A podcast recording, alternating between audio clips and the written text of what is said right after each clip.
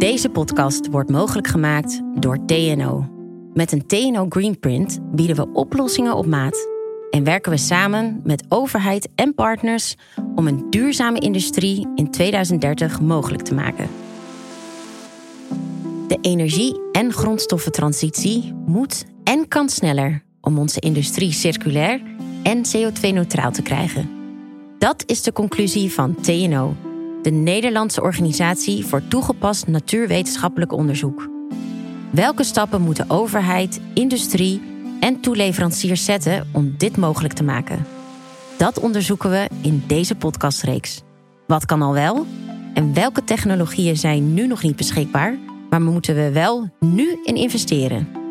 Ik ben Rachel van der Pol en in deze aflevering bespreken we wat de industrie in Nederland zelf moet doen om te verduurzamen. En de rol die groene waterstof hierin kan spelen. Hiervoor spreek ik met Lennart van der Burg. Hij is programmaleider elektrolyse bij TNO. En ook is aangeschoven Nienke Homan. Ze is CEO bij Impact Hydrogen en staat ook wel bekend als de waterstofvrouw. Welkom. Dankjewel. Dank u, dank u. We beginnen bij jou, Lennart. In het klimaatakkoord ligt heel veel nadruk op groene waterstof als duurzame energiebron. Het woord komt zelfs 180 keer erin voor. Jij bent programmaleider groene waterstof bij TNO. Waarom is er zoveel enthousiasme over deze energiebron? Ja, ja, goede vraag. Misschien eerst een kleine, kleine correctie. Waterstof is geen energiebron, maar meer energiedrager. Die waterstof moet geproduceerd worden. Maar goed, dat is wel belangrijk voor mensen te weten. We moeten eerst die waterstof maken. Ja, dat is een, dat is een aanname van ja, mij. Ja, ja nee, dat klopt. Nee, waterstof wordt of gemaakt uh, met water, watersplitsing met elektrolyse, of uit aardgas. Hè, dat we CH4 splitsen in waterstof en CO2. Maar dan hebben we die CO2 die we juist willen, niet willen, moeten willen hebben. En op dit moment is waterstof eh, toch best wel vervuilend. Het wordt met name met aardgas gemaakt met CO2-emissie. We willen natuurlijk naar die groene waterstof. Maar goed, dat is belangrijk om dat ja. beseffen. En wat is dan die groene waterstof als energiedrager? Ja, nou die, ja, die groene waterstof is dus geproduceerd met elektrolyse, zon of wind, waar we die water splitsen in die waterstof. En dat is eigenlijk ja, de, de, de, ja, de, de, mole, het molecuul wat we willen hebben. En het belangrijk is waarom die. Kijk, het is zeker de afgelopen vijf jaar is waterstof, heeft waterstof gigantische vlucht genomen. Met name in de brede discussie ook. En er zijn eigenlijk drie hoofdredenen waarom we eigenlijk naar die waterstof toe zouden moeten gaan. De eerste reden is eigenlijk flexibiliteit. Straks hebben we heel veel opwek van zon en wind. En we krijgen dat niet allemaal in ons energiesysteem. Want de productie is hoger dan het gebruik. Ja, ja. Dat moet je dan omzetten uh, of opslaan. Nou ja, de omzetting kan via waterstof. Dus dat is de eerste reden. De tweede reden is, het, nou ja, wat ik al zei, opslag. Nu dat zien we, wordt de opslag geregeld door aardgas. We hebben natuurlijk heel veel discussie nu uh, voor het vullen van de aardgasvelden, aardgasopslagvelden, voor de winter bij spreken. Nou, waterstof zou die rol prima kunnen invullen. Dat we waterstof gaan opslaan in de ondergrond, uh, tegen zoutcavernes, tegen gasvelden op land, op zee.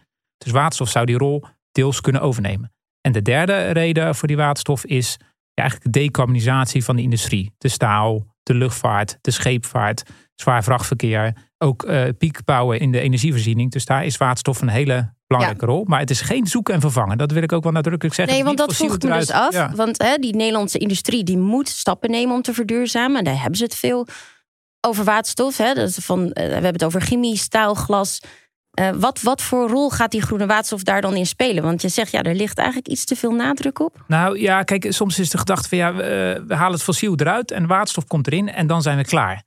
Ja, dat is misschien wel wat te makkelijk, te makkelijk gedacht. Hè? Want uh, ik zeg altijd, de, de keten is zo sterk als de zwakste schakel. Voor waterstof moeten we eerst de productie regelen, de infrastructuur regelen, de opslag regelen. Het hele marktordening moet geregeld worden, uit, eindgebruik. Dus we hebben het zeker nodig. Maar we hebben ook energiebesparing. We hebben elektrificatie. Dus wacht alsjeblieft niet op waterstof. Maar begin, ja, begin nu al. Ja.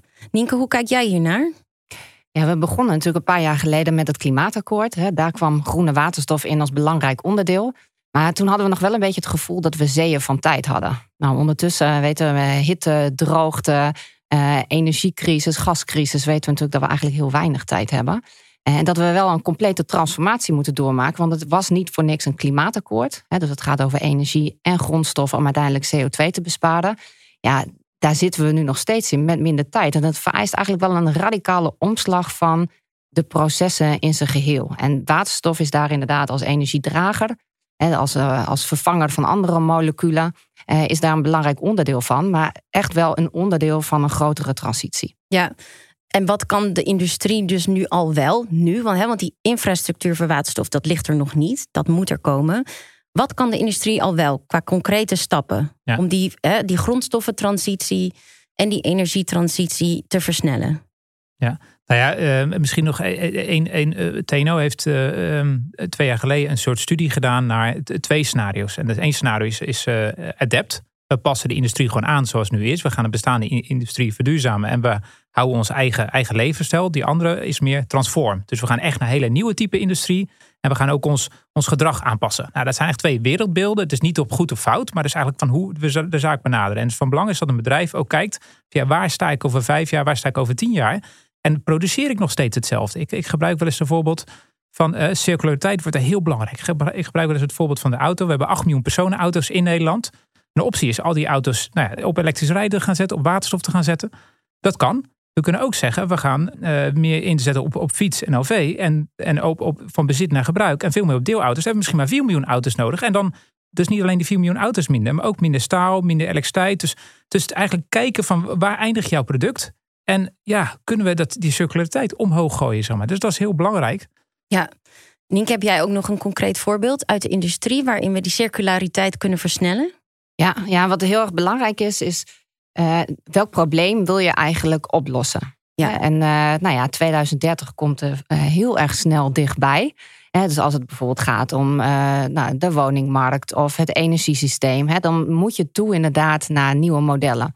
Uh, wij hebben in Groningen natuurlijk hadden we eigenlijk al zo'n soort crisis waarin we heel snel om moesten van aardgas uh, naar een vervanger. En onderdeel van het vervangingssysteem was natuurlijk waterstof. Ja, want ik ga even voor de luisteraar ga ik eventjes verduidelijken. Uh, Nienke, jij was tot 2021 dus ook voor GroenLinks gedeputeerde bij de provincie Groningen voor water, klimaatadaptie en energietransitie. En, en daar heb jij ook je bijnaam gekregen, de waterstofvrouw. ja, ja nee, dat klopt. Uh, uh, nou, dat is niet, de eer was zeker niet uh, alleen aan mij natuurlijk. Want wat ja, dus wel echt de verandering in Groningen heeft gebracht, is dat we in die samenwerking uh, nou, min of meer werden gedwongen. Hè. We zaten echt in een crisis. Uh, zoals we nu ook een grondstoffen, een energiecrisis en alles hadden, hadden we toen natuurlijk een, de aardbevingen die maakten dat we versneld van het aardgas af wilden. Uh, ook het goede voorbeeld wilden geven. Maar ook gewoon nou, eigenlijk de medewerkers van de grote bedrijven, maar ook van de universiteiten. Ja, die zaten natuurlijk ook gewoon in de huizen die beschadigd werden. Dus iedereen was super gemotiveerd om op korte termijn het goede voorbeeld te geven. Uh, en met klimaatcrisis op de, op de achtergrond ook te denken: oké, en hoe gaan we hier dan ook een voorloperspositie innemen? Dus wij zijn toen echt met elkaar rond de tafel gaan zitten. Dit is het einddoel. En we hadden een heel duidelijk probleem wat we op wilden lossen. En ook gekeken naar nou, welke bedrijven heb je daarvoor nodig. En dat gaat dan om productie. Dat gaat om het transport van waterstof bijvoorbeeld. En ook over de afname. Dus dat was, dat was sowieso al de nieuwe manier van werken. En dat is denk ik ook echt wel waar bedrijven aan moeten nou ja, wennen. Dat je niet alleen je eigen business hebt te draaien. Maar ook na moet denken over wat komt er voor en na mij. Ja. Is dat dan die waardeketens waar jullie het over hebben? De waardeketens in de industrie die moeten transformeren? Ja, ja, en in de fossiele wereld zijn we natuurlijk, hè, die is eigenlijk organisch gegroeid. Aardgas, maar ook olie. De afgelopen 60, 70 jaar is er steeds meer uh, vraag en aanbod ontstaan. En nu moeten we van nou, eigenlijk een bestaand proces helemaal af en het nieuw gaan organiseren. En ik sluit wel aan bij Lennart. Dat zou ook best wel kunnen betekenen dat er nou, in wordt gezet op nou, meer het oplossen van problemen en een model daarvoor bieden. Eh, waarin circulariteit, dus het hergebruik van gedeelten van je product, heel centraal staat in combinatie met de energie en de grondstoffen uh, die dan voor dat product ook nodig zijn. Dus het, is, het wordt echt een andere manier van denken. Ik, ik kan me voorstellen dat dat heel erg wennen is voor bedrijven. Dus dat je normaal elkaars concurrenten bent. Of uh, dat iemand gewoon een toeleverancier is. Hup, weet je wel, je, je, je levert de boel weer af en that's it. Ja. En in één keer moet je samen gaan bedenken, ja, hoe gaan we dit klusje ja. klaren? Ja. Hoe geef je dat soort spelers perspectief? Hoe gaan ze het voor zich zien? Ja. Ja, kijk, er zijn nu verschillende redenen om nog actiever samen te werken met je toeleveranciers en ook met je collega's, laten we zeggen. Als je nu ziet beschikbaarheid van materialen over de wereld, dat, dat zijn allerlei supply chain issues. Dus om een hechte relatie te gaan, dat is al, al gewoon bedrijfsmatig al veel beter om te zorgen dat jij gewoon je product kan leveren. Maar daarnaast, als jij wil verduurzamen, dan is dat niet alleen in je eigen bedrijf. Dus bijvoorbeeld een, bijvoorbeeld een argument is wel ja, de technologie is er niet. Maar we zien nu steeds meer eindgebruikers, bijvoorbeeld ook in de waterstof, die investeren in de technologieontwikkeling, zodat zij die technologie later kunnen gebruiken. Kan je daar een concreet voorbeeld van noemen? Nou ja, bijvoorbeeld op gebied van waterstof. Hè. Je hebt een aantal partijen die straks die waterstof willen gebruiken. Uh, een bedrijf als een ICC. Dat is, dit is, dat is een bedrijf wat straks toekomstig producent wil worden van waterstof. En je ziet zo'n partij die is echt aan het investeren en ontwikkelen van nieuwe membranen. Om te zorgen van ja, dat, er is, zijn nu met twee, drie aanbieders. En willen eigenlijk dat de innovatie op gang komt. Dus die kijkt verder dan, dan alleen maar waterstof produceren. Die probeert eigenlijk die hele keten te ontwikkelen. En dit is één voorbeeld. Er zijn natuurlijk veel meer voorbeelden. Om ja, om de, de, zaak op gang te brengen. Andere voorbeeld natuurlijk veel bedrijven die in de consumentenmarkt zitten. Hè. vanuit de consument wordt ook steeds meer gevraagd: ik wil een duurzaam product. Hè. We hadden het even over bierbrouwers bijvoorbeeld. Hè. Van, ja. Die zijn natuurlijk ook bezig van ja, kan ik, wil ik, een, ik wil een CO2-neutraal bierflesje. Bijvoorbeeld, ik wil een CO2-neutraal bierflesje. Dat kan die bierbrouwer natuurlijk niet zelf, hè, want die is afhankelijk van partijen die toeleveren. Die dat glas weer aanleveren. Ja, die glas leveren of het blikje aanleveren. Of misschien moet het wel een blikje zijn of kan het biodegradable zijn. Nou, daar zie je allerlei nieuwe samenwerking, omdat de markt er gewoon om vraagt. Dus, dus afwachten is eigenlijk niet aan de orde als jij in de toekomst ja, aan zet wil blijven. Ja, Nienke, hoe deden jullie dat uh, om, om die industrieperspectief te bieden? Hoe, hoe hebben jullie dat aangepakt?